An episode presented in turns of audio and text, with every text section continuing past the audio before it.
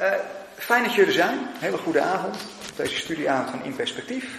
Thema God voor ons. Ook leuk als je luistert.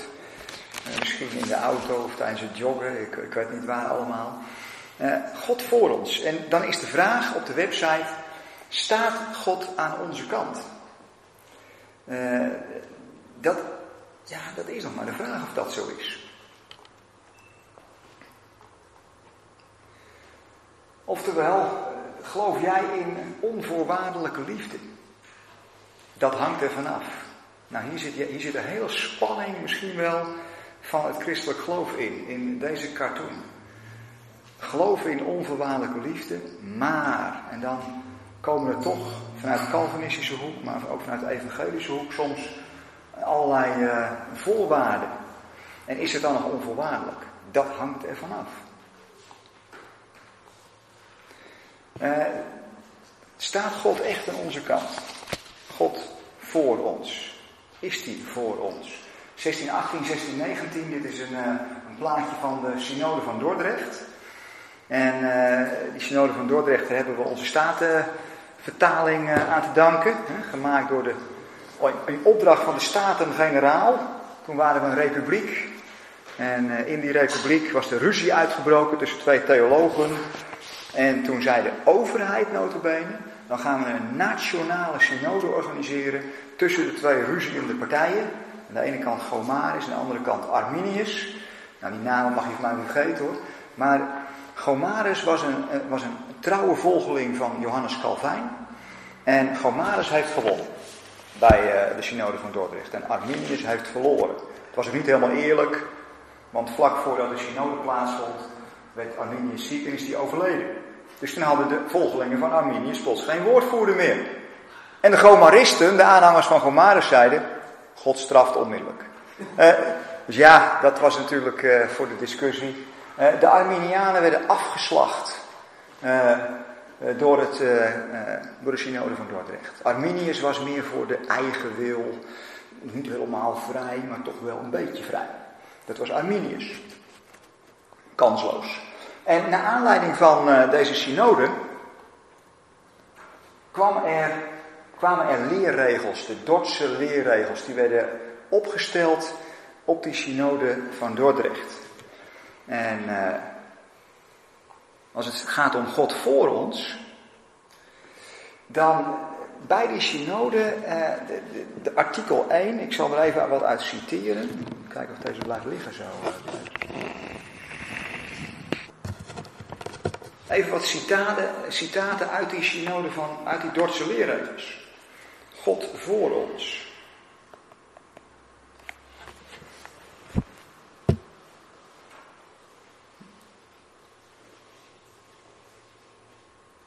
Artikel 1. Het gaat over de, het artikel over uh, de goddelijke verkiezing en de verwerping.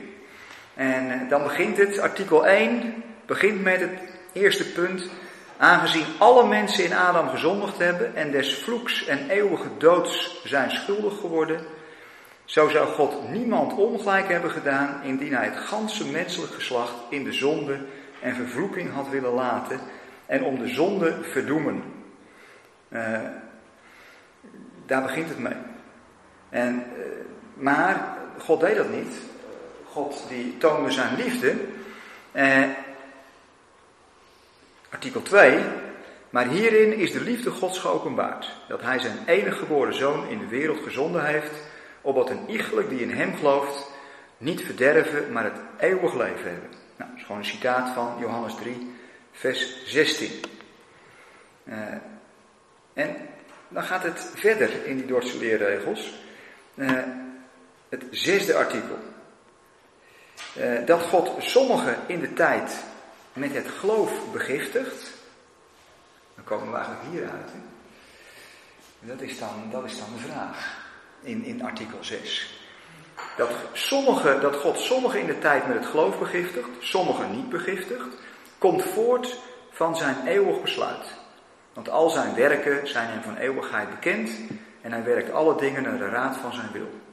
Naar welk besluit hij de harten van de uitverkorenen, hoewel zij hard zijn, genadiglijk vermurmt en buigt om te geloven. Maar degenen die niet zijn verkoren, naar zijn rechtvaardig oordeel in hun boosheid en hardheid laat. En het is hier dat zich voornamelijk voor ons ontsluit die diepe, barmhartige en evenzeer rechtvaardige onderscheiding der mensen. Zijnde in even gelijke staat des verderfs of het besluit van verkiezing en verwerping in het woord van God geopenbaard. Eh, ben ik wel verkoren of ben ik niet verkoren? God verkiest sommige mensen in zijn ondoorgrondelijke raadsbesluit, zoals de dorpsleerregels zeggen, om gered te worden.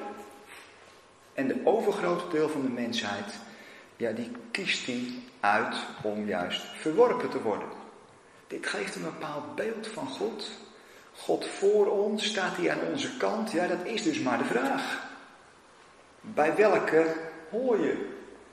Hoor je bij deze, dan kun je zeggen, God staat aan onze kant. Uh, maar hoor je bij de anderen, ja, dan eh, staat God helemaal niet aan onze kant. Dan is hij min of meer onze vijand. En, en, en dat is vanuit het Calvinisme. Dubbele predestinatie. Dus dat God voor ons is, ja, dat zal niet iedereen ons dus nazeggen. Sommigen zullen zeggen, dat kun je niet maken, zo'n uitspraak. Kijk maar. Volgens uh, Calvijn, Calvijn zei nou ongeveer 1 tot 2 procent van de mensheid, dat, dat schatte hij in als jurist en theoloog, is uitverkoren naar de hemel te gaan. Dat was de inschatting van Calvijn. Uh, er zijn uh, de, de, de, strenge Calvinisten tegenwoordig, er zijn er niet zo heel veel meer hoor. het Calvinisme in de light version is nog wel volop aanwezig. Maar die vinden dat te positief van Calvijn. Die, die denken toch dat het percentage nog wat kleiner is. Eén uit een dorp, één uit een stad.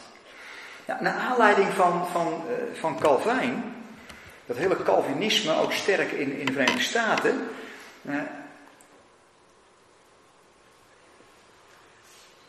Schreef Charlotte Brontë schreef dit wereldberoemde boek over Jane Eyre. En die groeit op in zo'n Calvinistisch milieu. En, en, en die heeft daar een bepaalde bijsmaak aan overgehouden. Dan heb ik het niet over de mensen hoor, want die mensen zijn even lief en aardig als waar dan ook. Nee, het gaat om een bepaalde theologische visie. Het gaat nooit over mensen. Mensen zijn nooit vijanden. Maar soms zijn leerstellingen kunnen, kunnen, wel heel venijnig zijn. Zij schrijft in, in dit boek, schrijft, laat ze de hoofdrolspeler Jane Eyre, laat ze zeggen. Uh, dit, dit is een beetje de weerslag van dat. Zij zitten in zo'n strenge Calvinistische kerk. Ik citeer Jane Eyre. Alles was doortrokken van een vreemd soort bitterheid. Troost of vriendelijkheid ontbrak. Uitgesproken Calvinistische leerstellingen, uitverkiezing, predestinatie, dat is eigenlijk hetzelfde als uitverkiezing, voorbestemming, verwerping kwamen veelvuldig voor. En elke verwijzing daarna leek wel een doodvonnis in te houden. Na het amen voelde ik me allesbehalve verkwikt. Zijn redenvoering had mij niet vervuld met vrede of hoop. In plaats daarvan voelde ik een onzichtbare droefheid. Ik weet niet of het op anderen ook zo overkwam, maar ik had sterk de indruk dat deze fraaie monoloog was voortgekomen uit pijloze diepte vol teleurstelling en onbeheersbare impulsen knagende verlangens en overtrokken ijver. Ik was er ten volle van overtuigd dat de keurige, gewetensvolle dominee St. John Rivers nog ver verwijderd was van de vrede van God die alle verstand te boven gaat. Om die te vinden had hij nog een lange weg te gaan.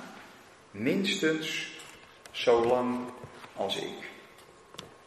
Dat is een beetje de, de, de sfeer die, die uh, Charlotte Brontë uh, schetst.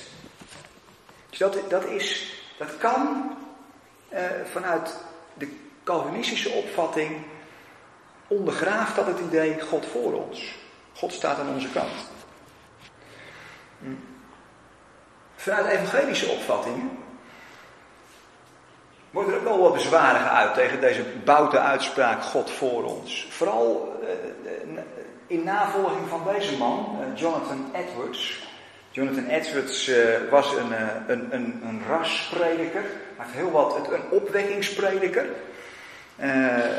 Hij was onderdeel van de zogenaamde Great Awakening in de Verenigde Staten. Een enorme opwekkingsbeweging in de Verenigde Staten. En zijn, zijn beroemdste preek, aller tijden.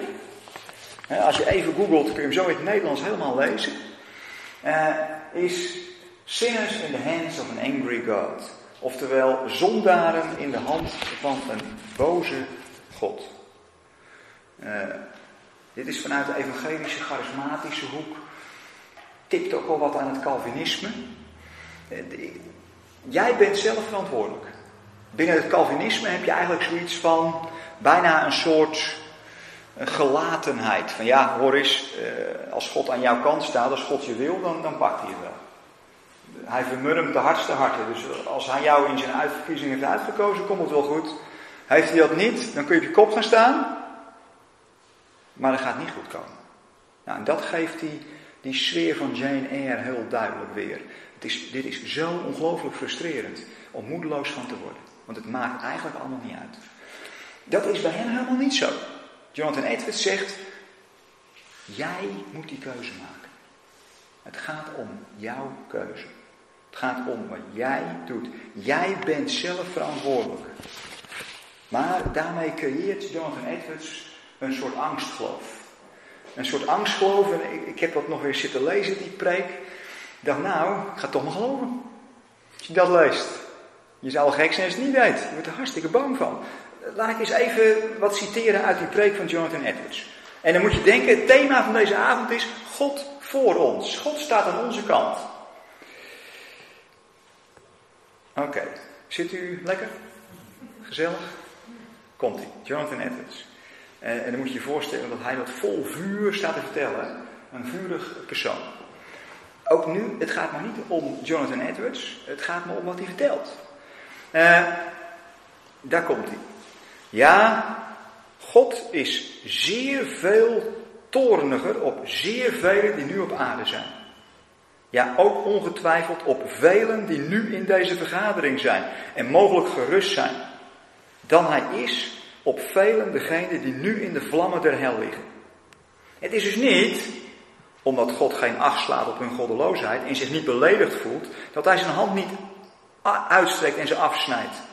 God is geen zins zoals zij zelf zijn, hoewel zij zich dit verbeelden. De toren Gods brandt tegen hen. Hun verdoemenis sluimert niet. De put is gereed. De vlammen loeien reeds. Het glinsterende zwaard is gewet en boven hen uitgestrekt. En de put heeft zijn mond onder hen geopend. Gaan even wat verder hoor. Zit nog steeds lekker Oké. Okay. Het is dus zo gesteld. Nu gaat hij zijn preek wat samenvatten. Zometeen komt de toepassing. Moeten we ook nog uh, samen. We hebben een klein onderdeeltje. Samenvatting, toepassing. Het is dus zo gesteld dat de natuurlijke mensen door de hand Gods gehouden worden boven de put van de eeuwige afgrond. Ze hebben het verdiend daar te komen. Ze zijn reeds veroordeeld. God is vreselijk getergd. Zijn toren tegen hen is even groot als tegen hen die werkelijk reeds zijn toren in de hel voelen. Ze hebben niets gedaan om die toren te stillen of te bevredigen. Ook God is in het minst niet door enige gelofte gehouden. De duivel wacht op hen. De hel grijpt naar hen. Haar vlammen omgeven hen om hen te verteren. Het vuur dat in hun eigen hart brandt, worstelt om uit te breken. In het kort, ze hebben geen toevlucht. Niets om op te steunen. Alleen de vrije wil. De onverplichte vrije verdraagzaamheid van een vertorend God bewaart hen ieder ogenblik. Ze worden door een vertorend God bewaard om in de hel geworpen te worden. Uh, bijna ten slotte. Uh, kunt u het nog aan? Weinig wel positiever hoor. En dit is trouwens positief bedoeld. Hè? Dit is een waarschuwing. Dit is een waarschuwing en eigenlijk om mensen naar Christus toe te drijven. Je predikt eerst angst, je maakt mensen bang voor wat hij de reële situatie vond. Uh, met andere woorden, God staat helemaal niet aan onze kant. God heeft, God veracht ons. Uh, hij verafschuwt ons. Gaan we nu nog iets over lezen. Uh, maar als we achter Christus schuilen, dat is onze keuze verantwoordelijkheid, dan gaan we in de slipstream van Jezus, neemt hij ons mee. Dat is een beetje de visie van Jonathan Edwards. En die kom je in gematigde versie uh, in, in heel veel evangeliegemeentes toch echt nog wel tegen. Uh, alleen het wordt niet meer zo openlijk verteld misschien. Nog eentje. We zijn nu bijna bij de toepassing. Hij die u boven de put van de afgrond houdt, heeft een afschuw aan u en is vreselijk getergd. Zijn toren brandt tegen u als een vuur. Dus voor, moet je nagaan, als je zo'n preek hoort komende zondag in gemeente, kun je bijna niet voorstellen. Nee, een opwekkingsprediker. Hij acht u tot niets anders waardig dan in het vuur geworpen te worden. Hij is te rein van ogen om op u in deze staat in gunst te zien. U bent tienduizendmaal afschuwelijker in zijn ogen dan de hatelijkste slang in onze ogen. U hebt hem oneindig meer beledigd dan ooit een hardnekkige opstandeling zijn vorst beledigde. En toch, alleen zijn hand houdt u nog ieder ogenblik tegen om in het vuur te vallen. Aan niets anders is het toe te schrijven dat u afgelopen nacht niet naar de hel ging. Dat u nog mocht ontwaken in deze wereld. Om geen andere reden bent u nog niet verloren gegaan.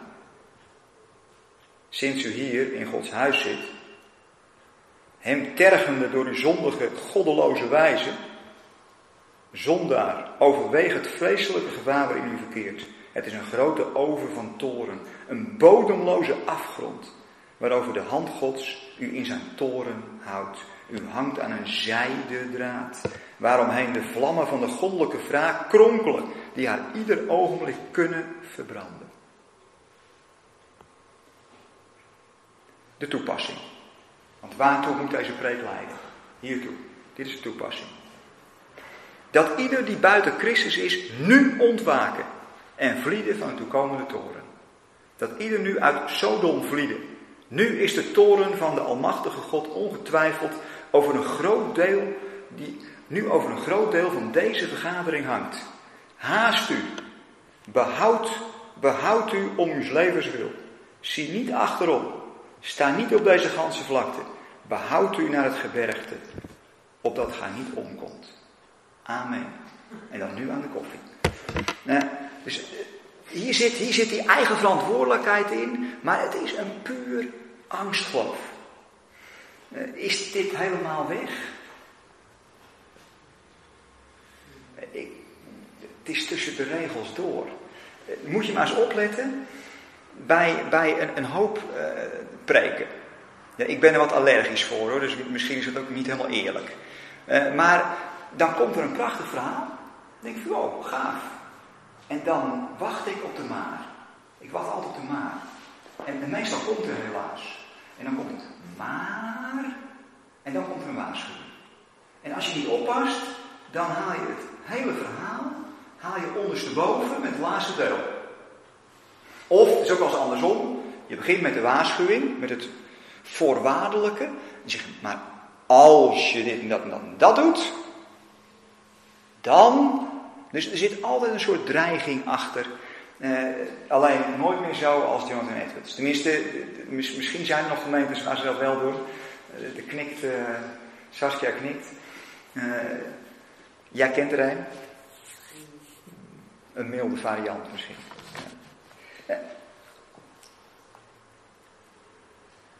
Nou, dan moeten we eens nadenken. Is God toornig?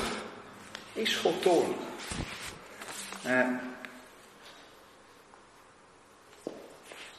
Dit is een beweging uit Amerika. Dit zijn hele uh, baptistengemeenten. Kijk, weet je wat het probleem is? En dat vind ik echt een probleem hoor. Kijk, je begint met een beeld van God. En dat beeld van God, dat gaat op een duur jou vormen. Jij vormt eerst een beeld van God en daarna gaat dat beeld van God jou vormen. Uh, deze mensen, die, uh, die, dat zijn hartstikke lieve, aardige mensen, geloof mij. Uh, behalve als je het niet met ze eens bent. En dan plotseling is het God hates you and God is your enemy. You're not blessed but cursed. Je bent niet gezegend maar vervloekt. God haat je. God is je vijand. Je gaat naar de hel. Uh, ja, hoe ga je dat communiceren? Dit is het uithangbord van de Westboard Baptist Church. God haat je bijna net zoveel als wij dat doen. Nou, dat is toch een mooie uitnodiging voor een kerkdienst. Uh, dus is, is God toornig? hoe zit dat dan?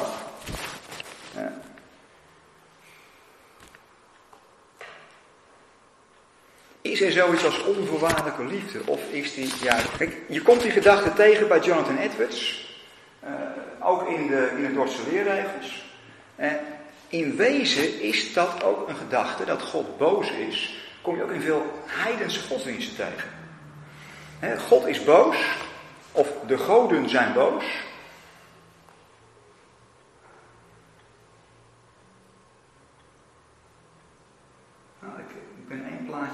dat is jammer. Maakt niet uit. Plaatjes genoeg. God is boos, de goden zijn boos en eh, dat moet glad gestreken worden. Veel heidense godsdiensten die hebben de offercultus. En in die offercultus staan, je hebt een boze god of boze goden. En er moeten offers gebracht worden. En dan kun je die goden weer gunstig stemmen. En wat is nou de ellende zou ik bijna zeggen. We hebben dat idee, hebben we als het ware ingebracht in het christendom. Dat idee. Uh, wat van oorsprong helemaal niet in het jodendom zat, dat, die gedachte, die is in het christendom ingebracht. Uh, God als vijand. En dan is de vraag, hoe krijg je een boze God weer gunstig gezind? Is dat zo?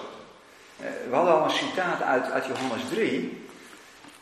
Johannes 3, vers 16. Ja, u kent hem uit uw hoofd natuurlijk. Ook toen ik christen werd, het eerste Bijbelvers wat ik uit mijn hoofd leerde. Johannes 3, vers 16. Want alzo lief heeft God de wereld gehad. Dus wat is de kern van Gods relatie met de wereld? Is het God haat je bijna net zoveel, wij haten bijna net zoveel als het God haat. God is toornig, hij is boos. Is dat zijn motivatie naar de wereld toe? Nee, hier staat de motivatie. Johannes 3, vers 16. Het gaat om God voor ons. Hij kiest onze kant volledig. Want al zo lief heeft God de wereld gehad, dat hij zijn enige geboren zoon gegeven heeft, dat in ieder die in hem gelooft, niet verloren gaan, maar eeuwig leven hebben. En dan eh, staat er heel cryptisch daarachter, vers 17, want God heeft zijn zoon niet in de wereld gezonden omdat hij de wereld veroordelen, maar omdat de wereld door hem behouden wordt. Het gaat nou even om de motivatie. Niet om het hele vers, maar even om wat is nou het wezen van God? Is dat zijn boosheid? Is hij boos naar de wereld? Nee. Waarom stuurde hij Jezus? Als een soort bliksemafleider. In, in, in dat beeld van die boze God.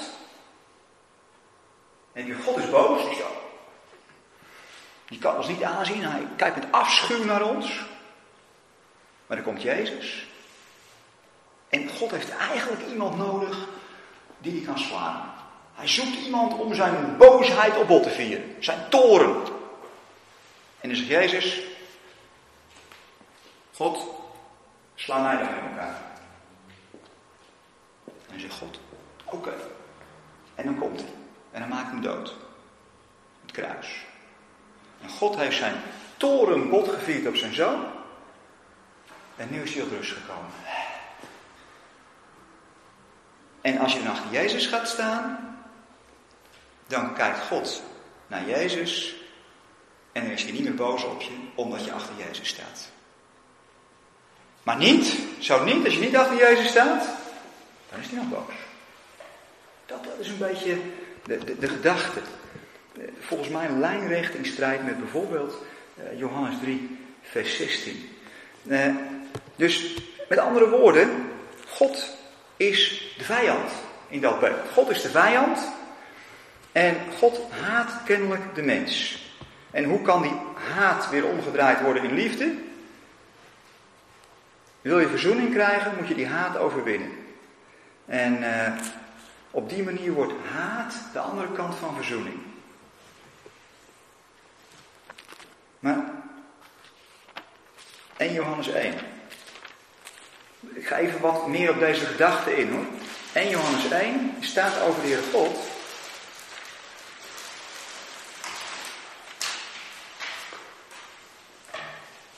Het vijfde vers.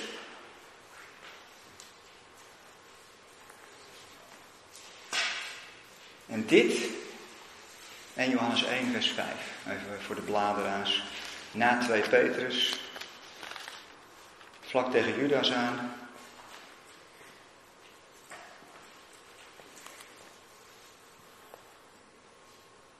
Als zo'n beeld van God schetst, hij haat je, hij, hij is boos en hij viert zijn boosheid bot op Jezus, uh, dan vind ik dat behoorlijk duister klinken.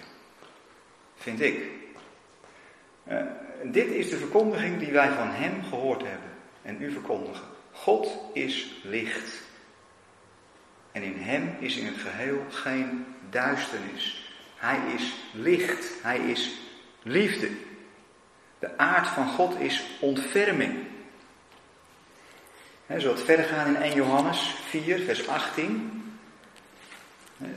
Angst, vrees, toren. Heeft allemaal te maken met angst. Als je dan leest in Johannes 4, dan staat daar. Vers 18. Er is in de liefde geen vrees, geen angst.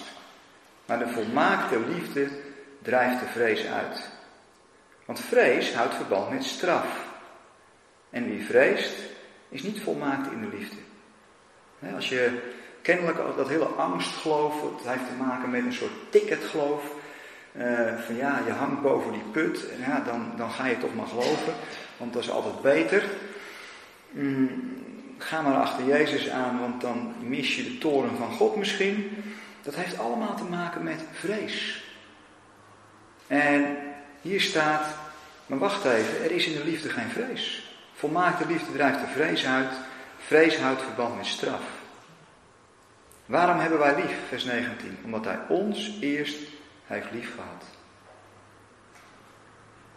Met andere woorden, ook hier zie je weer, zelfs in Johannes 3, vers 16, dat wezen van God is liefde. En vanuit die liefde komt hij naar ons toe. Hij heeft ons eerst lief gehad. Dat is 180 graden anders dan hij is boos, hij is toornig, hij haat je uh, en vlucht achter Jezus. Hij heeft eerst ons lief gehad en daarom kunnen wij hem lief hebben. Maar hoe heeft God zijn liefde dan laten zien?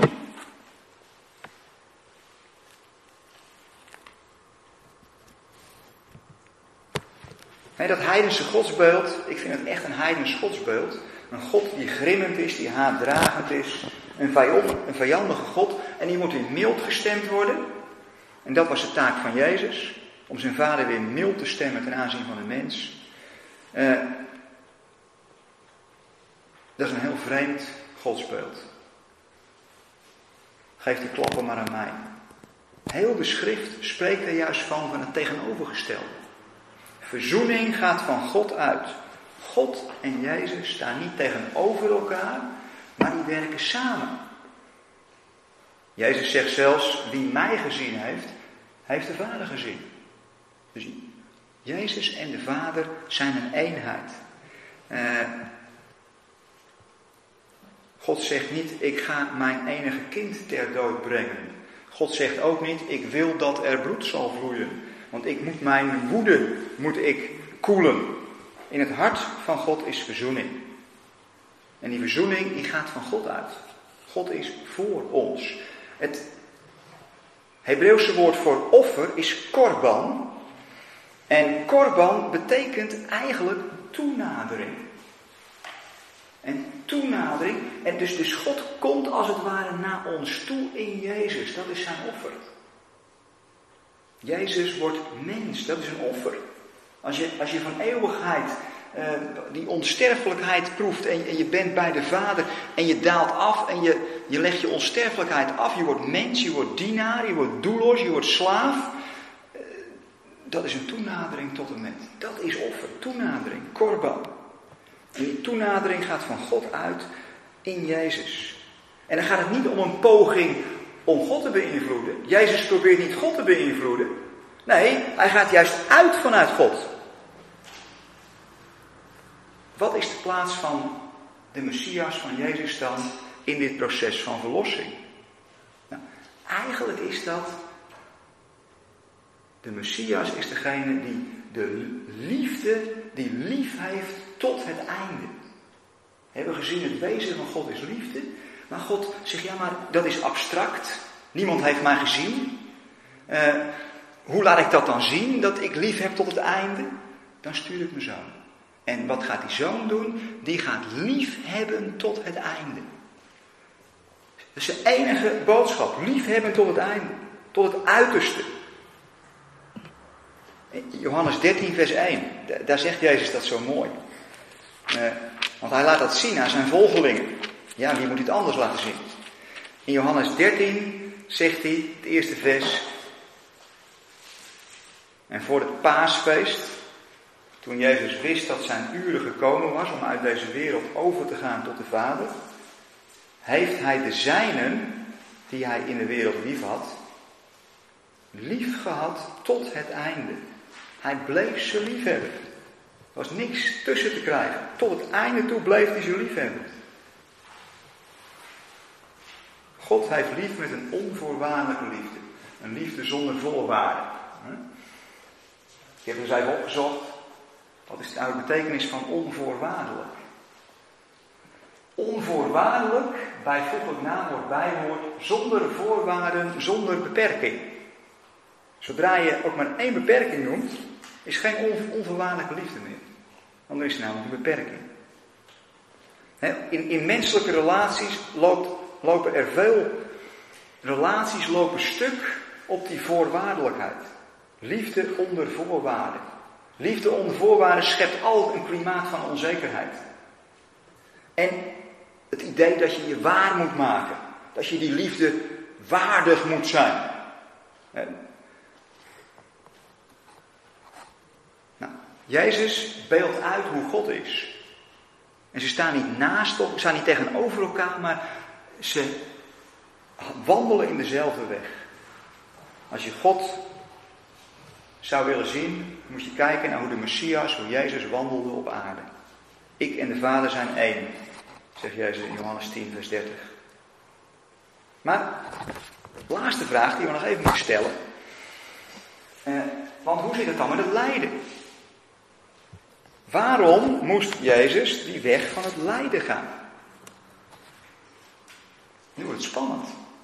Want nu zitten we gelijk in, als je niet oppast, zit je in het klassieke dogma van die juridische rechtvaardigheid, rechtvaardigingsleer. Bam, dan zit je midden in het Calvinisme. Uh, en in de evangelische beweging trouwens.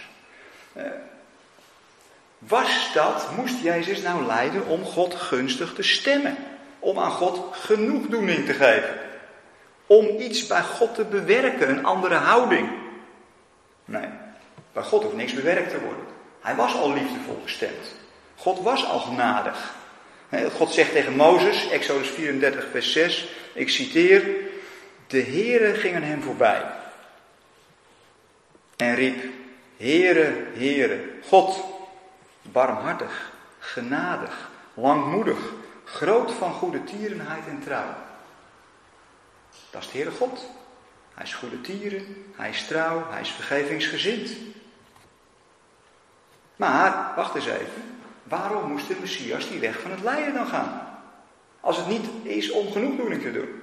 Als het niet is om iets bij God te bewerken. Waarom moest hij het dan doen?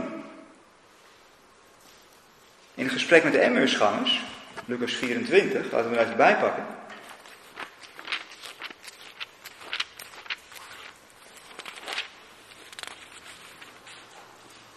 Die Emmausgangers die, die stelden die vraag ook.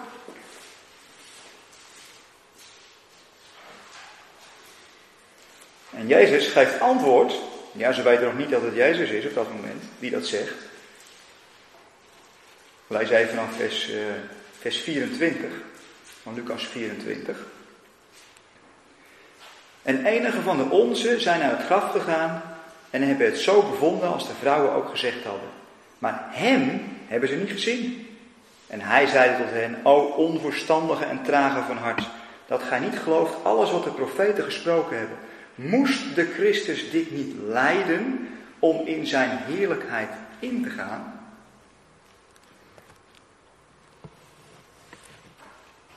Jezus moest die hele weg gaan om die goddelijke liefde helemaal openbaar te maken. Moest hij die hele weg gaan. Om te laten zien dat de, zijn liefde het volhoudt tegen alle kwaad in. Zijn liefde houdt vol tegen alle kwaad in. En je zou zelfs kunnen zeggen, het kruis is geen genoegdoening, dat is een, dat, dan keer je de zaak 180 graden om. Dan heeft de liefde verloren en heeft, heeft de haat gewonnen. Het kruis is de overwinning van de liefde. Het kruis is liefde tot het einde. In die zin, die goddelijke liefde die in de Messias was, die is zo intens dat hij zelfs stand houdt te midden van het ergste kwaad. Houdt die liefde stand. En die liefde van Jezus is zo sterk dat hij aan het kruis zelfs nog bidt. Dat is wat anders dan boven de put hangen en zeggen: Laat ze maar vallen, vader. Eh, dan bidt hij: Vader, vergeef het hun, want ze weten niet wat ze doen. En de vader gaat in die liefde mee en wekt Christus uit de doden op. En gek genoeg, dat is iets. Moet, moet eens lezen wat daarover staat. Over die, dus Jezus heeft lief tot het einde. Dat is het doel van zijn lijden. Die liefde van God laten zien tot voorbij de laatste grens. Liefde wint van de haat. Liefde wint van het kwaad. Uh, en dat had, daar had de boze geen rekening mee gehouden. Dat Jezus zo ver zou gaan. Nee, we hebben inside information. Moet, moet, lezen in uh, 1 Korinthe 2 vers 8. Inside information.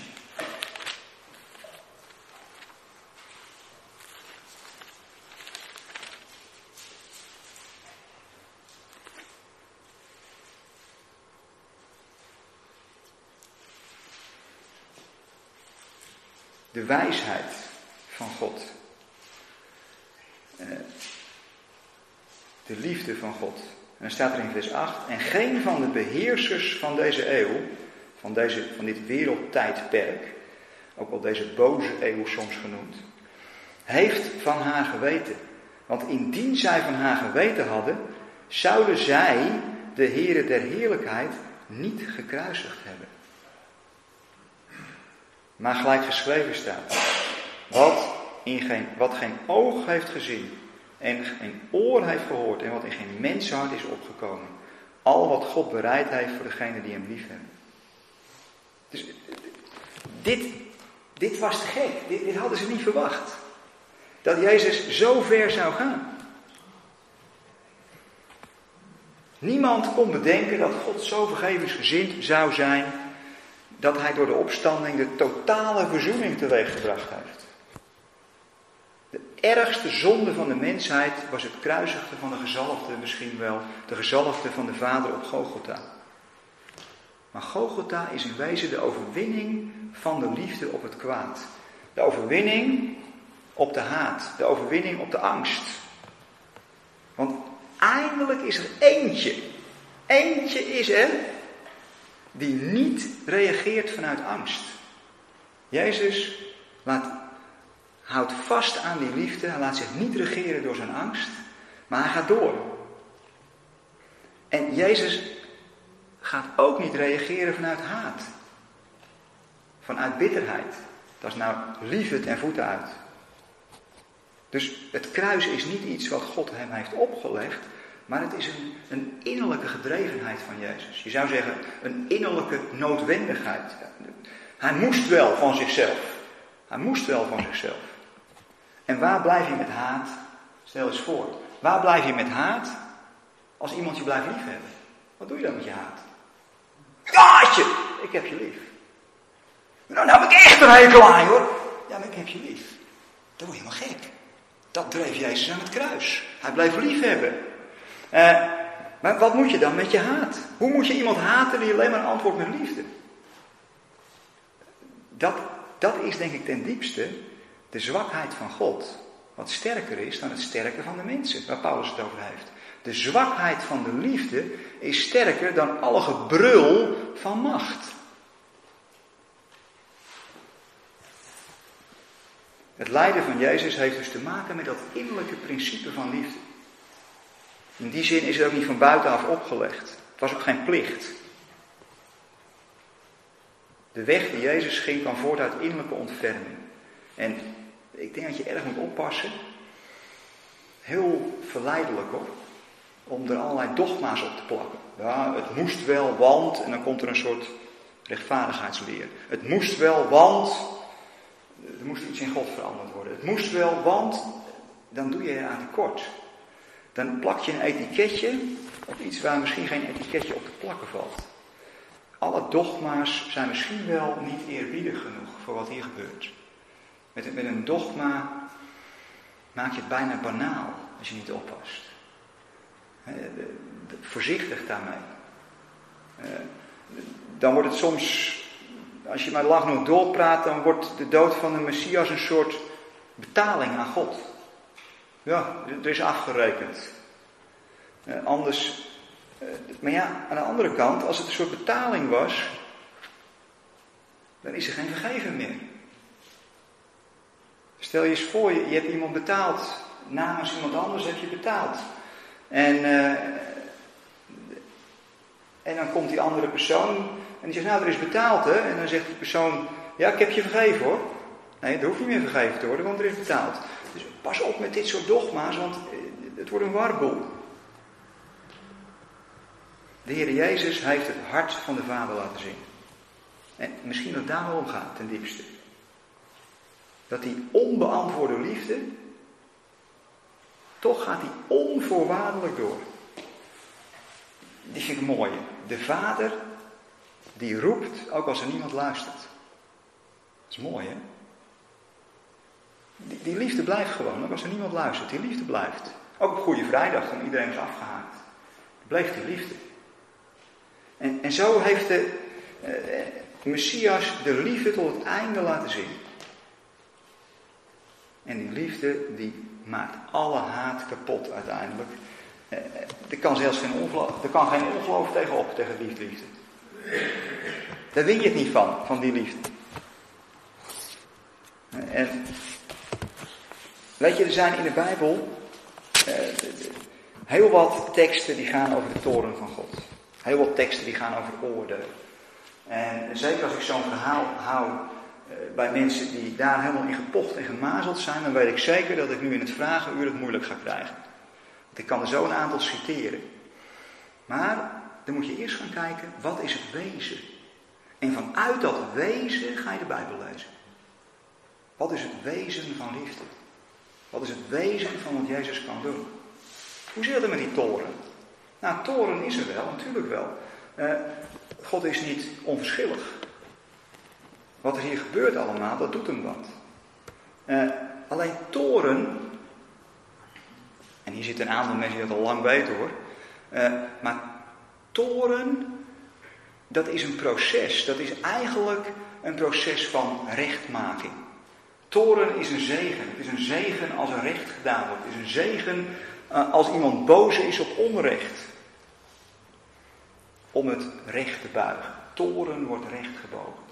Maar het idee dat, dat, dat Jezus uh, de, de, boosheid van God moet opvangen, dan is er ook geen rechtbuiging. Dan is er ook geen rechtvaardiging. Uh, kromme gedachte. Het gaat steeds om wie is God? Hoe is die? Hoe doet hij? Staat hij aan onze kant? Ja. God heeft in Jezus bewezen dat hij aan onze kant staat of zoals eh, Romeinen 4 zegt, zegt het zo mooi, eh, kijk hoor.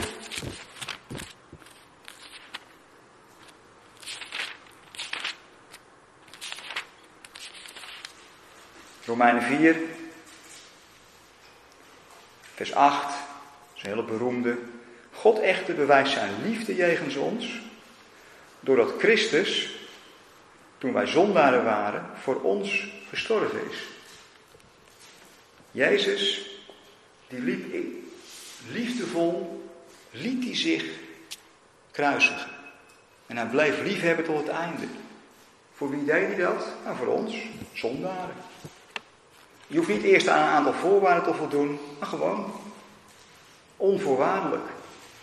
Een hele mooie vind ik altijd, als het gaat om geloof. Ja, maar je moet wel geloven. En dan meestal komt er achteraan, en als je in dit leven niet tot geloof komt, dan geldt het niet meer. Dan is God van karakter veranderd. En dan komt zijn oordeel. Ja, dan komt zijn oordeel. Maar oordeel weer als rechtmakingsproces. Hoe zit het dan met het geloof? Ik lees even uit de NBG-vertaling, uit de Statenvertaling. Uit Romeinen 3, daar wordt het heel kernachtig gezegd. De rol van het geloof. Vanaf vers 21. Lees hem eerst even uit de NBG. Misschien heb je wel eens eerder gehoord en denk je, oh ja, dit gaat nu komen. Misschien heb je het nooit gehoord, denk je, wat wil je hiermee?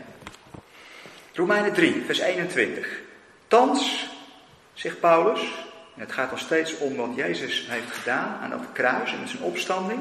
Thans is echter buiten de wet om gerechtigheid van God openbaar geworden, waarvan de wet en de profeten getuigen. En wel gerechtigheid Gods door het geloof in Jezus Christus. Voor allen die geloven, want er is geen onderscheid. Dat is één. nu lees ik hetzelfde vers, maar dan uit de Statenvertaling. En hier is het wel juist vertaald. Maar nu is de rechtvaardigheid Gods geopenbaard geworden. Zonder de wet hebben de getuigenis van de wet en de profeten. Namelijk de rechtvaardigheid Gods door het geloof van Jezus Christus. Tot allen. En over allen die geloven. Want er is geen onderscheid. Het fundament, en dat maakt het onvoorwaardelijke liefde. Het fundament is het geloof van Jezus. En het geloof van Jezus leidt tot geloof in Jezus. Die tweedeling is in de MBG-vertaling wegvertaald. Het is ook een beetje raar Nederlands. Nou, het is Bijbels denken, maar het is wel raar Nederlands, dat klopt. Eh, dus het fundament is het geloof van Jezus tot allen. Er staat het woordje panta, dat betekent alles, iedereen, allemaal. En over allen. Het komt tot allen en het komt over allen. En met andere woorden, je wordt achtervolgd door die onvoorwaardelijke liefde. Eh, en het blijft net zo lang kloppen en zich aandienen tot je denkt van, oké, ik geef me over. En over allen die geloven, want er is geen onderscheid. Het geloof van Jezus, wat lijkt het geloof in Jezus. En misschien, misschien is het wel omdat we eigenlijk niet geloven in de onvoorwaardelijke liefde van God, dat we dit soort onderscheid, dat we het ook heel moeilijk kunnen maken. Ik, ik heb het hier en daar wel eens gedropt, dit onderscheid. En er wordt een beetje gekeken, ja, moeilijk, moeilijk. Ja, moet je daar nou mee? Ja. Ja, je moet, toch, je moet wel geloven, hè? En dan zijn we terug bij. Begin goed, al goed. Je hebt jezelf niet bedacht. Je begin komt vanuit God. Psalm 139. God is uiteindelijk de eindverantwoordelijk. Ik, eh, pas geleden even met mijn vader aan de telefoon. Ik bel hem regelmatig even, s'avonds. En uh, hebben we vaak nog eens even plotseling een theologisch gesprek, zo laat op de avond. Zo half twaalf of zo. Veel te laat, ik weet het. Dan moet je weer vroeg uit. En, en eh, op een gegeven moment hadden we het er over. Hij had een discussie gehad met iemand anders. En nou ja, dat. Uh, en op een gegeven moment zei hij: Ja, zei hij, maar ja, Wim, we hebben onszelf toch niet bedacht. Ik heb er toch niet voor gekozen om hier te zijn. Dat overkomt je. Je wordt op een gegeven moment vloep gedropt op deze planeet die we aarde noemen. Nou joh, maak er maar wat van. Succes. En heeft een mazzel dat we op dit plekje terecht zijn gekomen. Eh, je kunt het broeder treffen. Eh, maak er maar wat van. Dus met andere woorden, je begin is uit God. Je komt bij Hem vandaan. Dat maakt hem, ook de eindverantwoordelijke van het hele gebeuren, mens.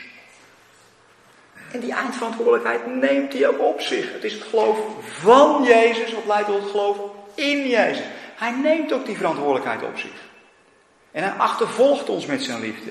En doet hij zo overtuigend dat er profetisch staat dat er een moment komt, Filippenzen 2, dat alle knie zich zal buigen en elke tong van harte zal zeggen, Jezus, u bent Heer. Ik ben overtuigd door die liefde. Dus neemt, het begin is uit God en je komt ook weer bij hem terug. Je eindbestemming is in God. Mag je dat wel zeggen tegen iemand die niet gelooft? Dat moet je zeggen tegen iemand die niet gelooft. Want iemand die gelooft weet dat namelijk al. Het, dat is het evangelie. Eh, soms merk ik nog wel eens dat christenen meer moeite met deze boodschap hebben dan niet-christenen. Niet-christenen zeggen, oh, dat is een mooi verhaal zeg. Ja, niet eens dan direct geloven. Dan zeg je, nou joh, prachtig zeg. Nou, als God zo zou zijn. Wat hebben we met elkaar een potje van gemaakt? Dat niet-christenen zeggen, nou als God zo zou zijn, dan. Ja, maar zo is hij. En het zijn vaak mensen die gepocht en gemazeld zijn, ofwel in die evangelische traditie, met alle mitsen en maren, ofwel in de reformatorische Calvinistische traditie, eh, met, die, met die grote almachtige God eh, die pick and choose doet, jij wel, jij niet, waar de, waar de problemen beginnen. Je eindbestemming ligt ook vast. Filippenzen 2, alle tong zal beleiden, elke knie zal buigen, Jezus is Heer. Dat is, dat is wat de Bijbel noemt genade. Ik heb het niet opgezocht in het woordenboek. Maar genade, dat lijkt erg veel onvoorwaardelijk. Uh, genade betekent uh, iets krijgen voor niets. Ja, maar. Nee, geen ja, maar. Ja, ja je wilde maar zeggen. Voor niets. Het is het geloof van Christus. En het aantrekkelijke is, want dan komt vaak de vraag van ja, maar als God op die manier voor ons is, dan wordt toch een puinhoop. Dus je moet niks. Nee, je moet niks. Je mag alles. Ja, je mag alles. Nou, dan wordt het niks. Je, je moet die mensen, je, je, moet ze stevig vasthouden, want anders gaat het fout. Hou je aan de regels, want anders krijg je brokken. Dat is de kracht van de liefde. De kracht van de liefde is dat wij ook zo'n diezelfde innerlijke ontferming, innerlijke noodzakelijkheid krijgen als Jezus. Dus dat we geen uiterlijke dwang nodig hebben, maar een innerlijke gedrevenheid. En dat is de kracht van de liefde. Dat kan geen regel bewerken. Dat kun je met geen straf opleggen. Dat kan alleen liefde. Alleen liefde kan zorgen voor een innerlijke noodzakelijkheid die uit jezelf komt. Dat is de kracht van de liefde. Dus is helemaal geen dwang nodig. Er zijn in dat opzicht geen regels nodig. Het is de kracht van de genade en de onvoorwaardelijke liefde van God die uiteindelijk mensen tot geloof brengt. En niet tot angstgeloof, of niet tot een soort noodlotgedachte van, nou ja, eh, een soort ticketgeloof, maar een innerlijke gedrevenheid. En het is mijn verlangen dat, ja, dat er steeds meer van dat soort geloof zichtbaar zal worden. Zijn er uh, nog vragen, opmerkingen? Het woord is aan u. Zijn er vragen? Jezus die kan dus uh, om uh, God te openbaren. Jezus kwam aan God om God te openbaren. Waarom dan kruisiging? Uh, ja, dat is een, een, een, een moeilijke. Hè? Dat is een moeilijke vraag. Uh, als, je, als je in de Bijbel leest in Filippenzen 2, dus waarom nou de kruisiging? In Filippenzen 2 staat een soort, Filippenzen 2 is een soort oergetuigenis van, van de eerste kerk, de eerste gemeente. Sommige mensen zeggen ook dat ze dit bij de doop altijd zeiden, deze beleidenis. Uh, daar wordt een beetje de weg van Jezus wordt daar verteld. Hè? Uh, en het gaat dan over de gezindheid van Jezus. Dus wat, waarom deed hij nou de dingen zoals hij ze deed?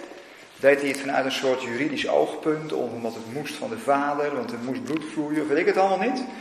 Uh, laat die gezindheid bij u zijn, welke ook in Christus Jezus was, die in de gestalte van God zijnde het goden gelijk zijn niet als een roof heeft geacht. Dus hij is er niet op gaan voorstaan, maar hij heeft zichzelf ontledigd. We zijn bij Filippenzen 2, vers 5 en we zijn nu bij vers 6 inmiddels, Filippenzen 2. Hij heeft zichzelf ontledigd. Uh, met andere woorden, hij heeft zijn goddelijkheid heeft hij afgelegd. Hij werd mens. Sommige mensen zeggen, dit was, eigenlijk gaf hij hier min of meer zijn leven al. Moet je even, moet je even in laten werken. Als je het nog nooit gehoord hebt, denk je, huh? Ja, want als je sterfelijk wordt, weet je één ding zeker. Dat je sterft. Dus door zijn goddelijkheid af te leggen en een mens van vlees en bloed te worden, dat was al een offer. Dat was een korban. Een grotere toenadering kun je eigenlijk niet, niet bedenken. Dat was een offer. Maar dat gaat nog verder, dat offer. Dat offer gaat nog verder. Dus Jezus werd mens, hij heeft zijn goddelijkheid afgelegd. Maar hij werd niet alleen een mens, hij is gehoorzaam geworden tot de dood. Uh, hij is in zijn uiterlijk als een mens bevonden, hij, hij, heeft zich vernederd. En is gehoorzaam geworden tot de dood, ja, tot de dood des kruises. En kruis, eigenlijk in het hele Oude Testament kom je dat kruis niet tegen. Kruis is een Romeinse uitvinding. En, en je zou kunnen zeggen, ja, wat, wat was nou het kruis van Jezus? Was het kruis van Jezus, je kunt er twee kanten mee opredeneren, ik denk dat het allebei klopt. Het kruis van Jezus was het feit dat hij als mens, als sterfelijk mens, de liefde van God ging openbaren in een liefdeloze wereld. En hij wist wat voor weerstanden dat zou gaan oproepen. Je zou bijna kunnen zeggen, alle krachten van de boze die werden opgeroepen door die onvoorwaardelijke liefde. Onvoorwaardelijke liefde roept verzet op. Uh, dat zie je ook bij allerlei figuren uit de wereldgeschiedenis. Noem een Gandhi, uh, noem een Martin Luther King. Uh, dat soort figuren roepen verzet op. En het loopt meestal slecht met ze af. zo ook met Jezus. Maar Jezus was niet een Gandhi of een Martin Luther King. Hij was bijna Gods eigen zoon die mens werd. En die onvoorwaardelijke liefde, dat mens worden, was in zekere zin zijn kruis. Dat was zijn opdracht. En dan kun je de vraag stellen, dat is een ondeugende vraag. Wacht even, moest hij, hebben we weer een soort juridisch moeten, moest hij nou van God aan een Romeins kruis sterven? Dat weet ik niet. Ja, dat weten we in onze dogmatiek heel zeker. Ik weet het niet. Of dat moest. Dus één ding zeker, hij moest sterven. Hij was sterfelijk. En ja, het werd steeds duidelijker dat hij tegen de liefdeloosheid van mensen aanliep, tegen het systeem aanliep en dat het systeem hem dood wilde hebben. En dat is gebeurd. Het systeem wilde hem dood hebben en Jezus zei niet, ik neem een escape, ik wil niet. Maar hij gaf zich over. Liefde tot het einde. Dus je hebt eigenlijk twee soorten van kruis. Je kruis dat hij op zich nam om mens te worden. En je moet altijd goed kijken, als je de Bijbel leest, over wat voor kruis gaat.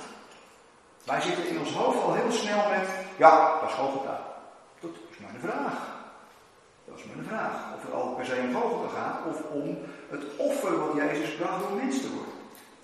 Uh, en uiteindelijk leidt dat tot Golgotha. Maar dan moet je weer een andere vraag stellen. Is Golgotha nou wat God wilde?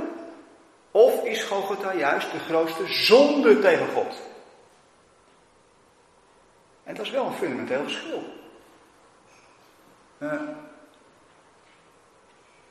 en misschien is het wel het laatste. En dan zie je dat de ultieme liefde die hem naar Golgotha dreef, uiteindelijk het heeft gewonnen van de ultieme haat die hem liet kruisen. door hem op te wekken uit de dood, is de haat definitief verslagen. En, en dan krijg je een ander perspectief. Dat is wel lastig. Ben zelf ook nog niet uit. Ik ben zelf, bij mij gaan allerlei belletjes rinken van allerlei dogmatische overwegingen. Van ja, maar wat. Uh, maar ergens zie ik er ook weer iets in van het wezen van God en de liefde van God. En haak het ook weer in bij een groot aantal Bijbelteksten die je misschien altijd op een andere manier gelezen hebt, maar die je misschien nog eens een keer opnieuw moet lezen. Dus dat was een lang antwoord op een korte vraag. En zoektocht ook een beetje hoor. ik denk, pas geleden hoorde ik een mooie preek. Eh, en de dominee die zei, eigenlijk blijven we altijd leerling. We zijn allemaal leerling.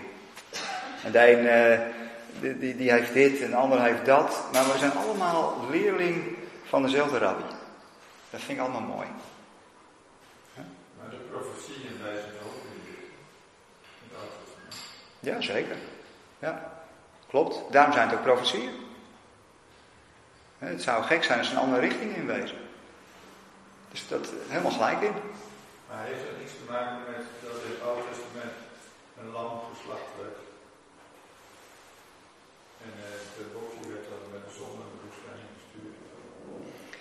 Ja, kijk, dat heb die hele zondebok-gedachte. Dat is, dat is iets, daar moeten wij nog eens een keer een, studie aan gaan wijden. Om daar zo goed in te duiken. Dat, dat hele.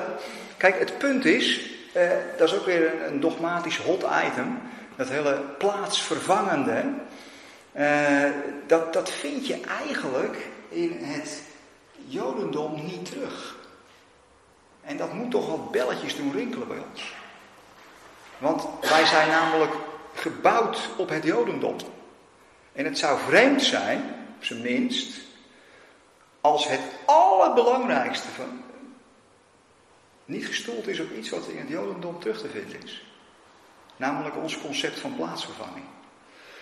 Uh, dus natuurlijk, Jezus is als ons paaslam gestorven en gekruisigd. Er staat zelfs in Korinthe, ook ons paaslam is geslacht. Ja, hij is als een lam geslacht. Uh, door die haat van die mensen. Uh, en waarom deed hij het? Als offer. Het was de ultieme toenaderingspoging naar mensen toe. Zie je dat ik het nu dezelfde woorden gebruik, maar in een ander perspectief zet? dus wij zitten vaak met de woorden die we gebruiken, zitten in een bepaald perspectief, wat niet noodzakelijk het perspectief hoeft te zijn. Maar het is een kwestie van opnieuw lezen en nog eens een keer lezen. En dan denken, ja maar wat past nou het beste bij het wezen van God? Bij die onvoorwaardelijke liefde. Is mijn worsteling en ook uw worsteling volgens mij. Ik het zo hoor. Nou ja, als je in een bepaald concept zit, dan is het niet mee, valt niet mee om eruit te stappen. Dat is hartstikke lastig. Want voordat je het door hebt, dan. Het is een soort automatische piloot waar je in zit. Hè? Ja. En ik zit daar zelf ook een beetje in. Maar ik zie dit ook steeds meer. Deze lijn. En dat is een worsteling. Ja.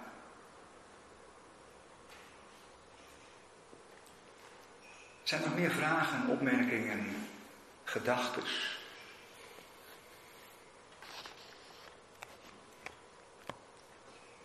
Nou, zullen we ongeveer gaan afsluiten dan? Uh, wil ik graag nog danken voor deze avond.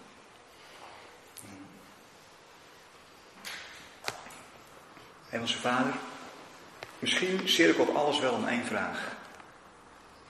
Wie bent u? En wie mogen wij zijn? Heer, en dwars door alles heen, het, gaat niet om details en misschien dat we allerlei dingen helemaal niet goed zien. Ik weet het niet. We proberen te lezen en we proberen u te zien in Jezus. Maar het gaat ten diepste om wie u bent, om uw wezen, om uw liefde. En dan zien we dwars door de Bijbel heen, zien we dat kloppende hart van u. Ontferming, bewogenheid, vriendelijkheid, barmhartigheid. Soms ook boos tegen onrecht. Maar altijd gedreven door die liefde. U blijft liefhebben waar alleen nog maar haat is. En u blijft vergeven terwijl er alleen maar oordeel is. Heer, dank u wel dat we u stapje voor stapje iets beter mogen leren kennen. En dat als vrucht u ons verandert. Dat u als het ware met uw geest in ons komt wonen. En dat stukje bij beetje een stuk hardheid wegneemt. En de zachtheid van uw liefde erin plant. Wilt u met ons doorgaan als uw leerlingen? Ik bid u dat we dit ook kunnen communiceren naar andersdenkenden toe. Niet als een soort nieuwe dogmatiek, maar misschien wel met woorden die niet overtuigend zijn, maar wel met die liefde daarachter. En de liefde overwint. In Jezus' naam. Amen.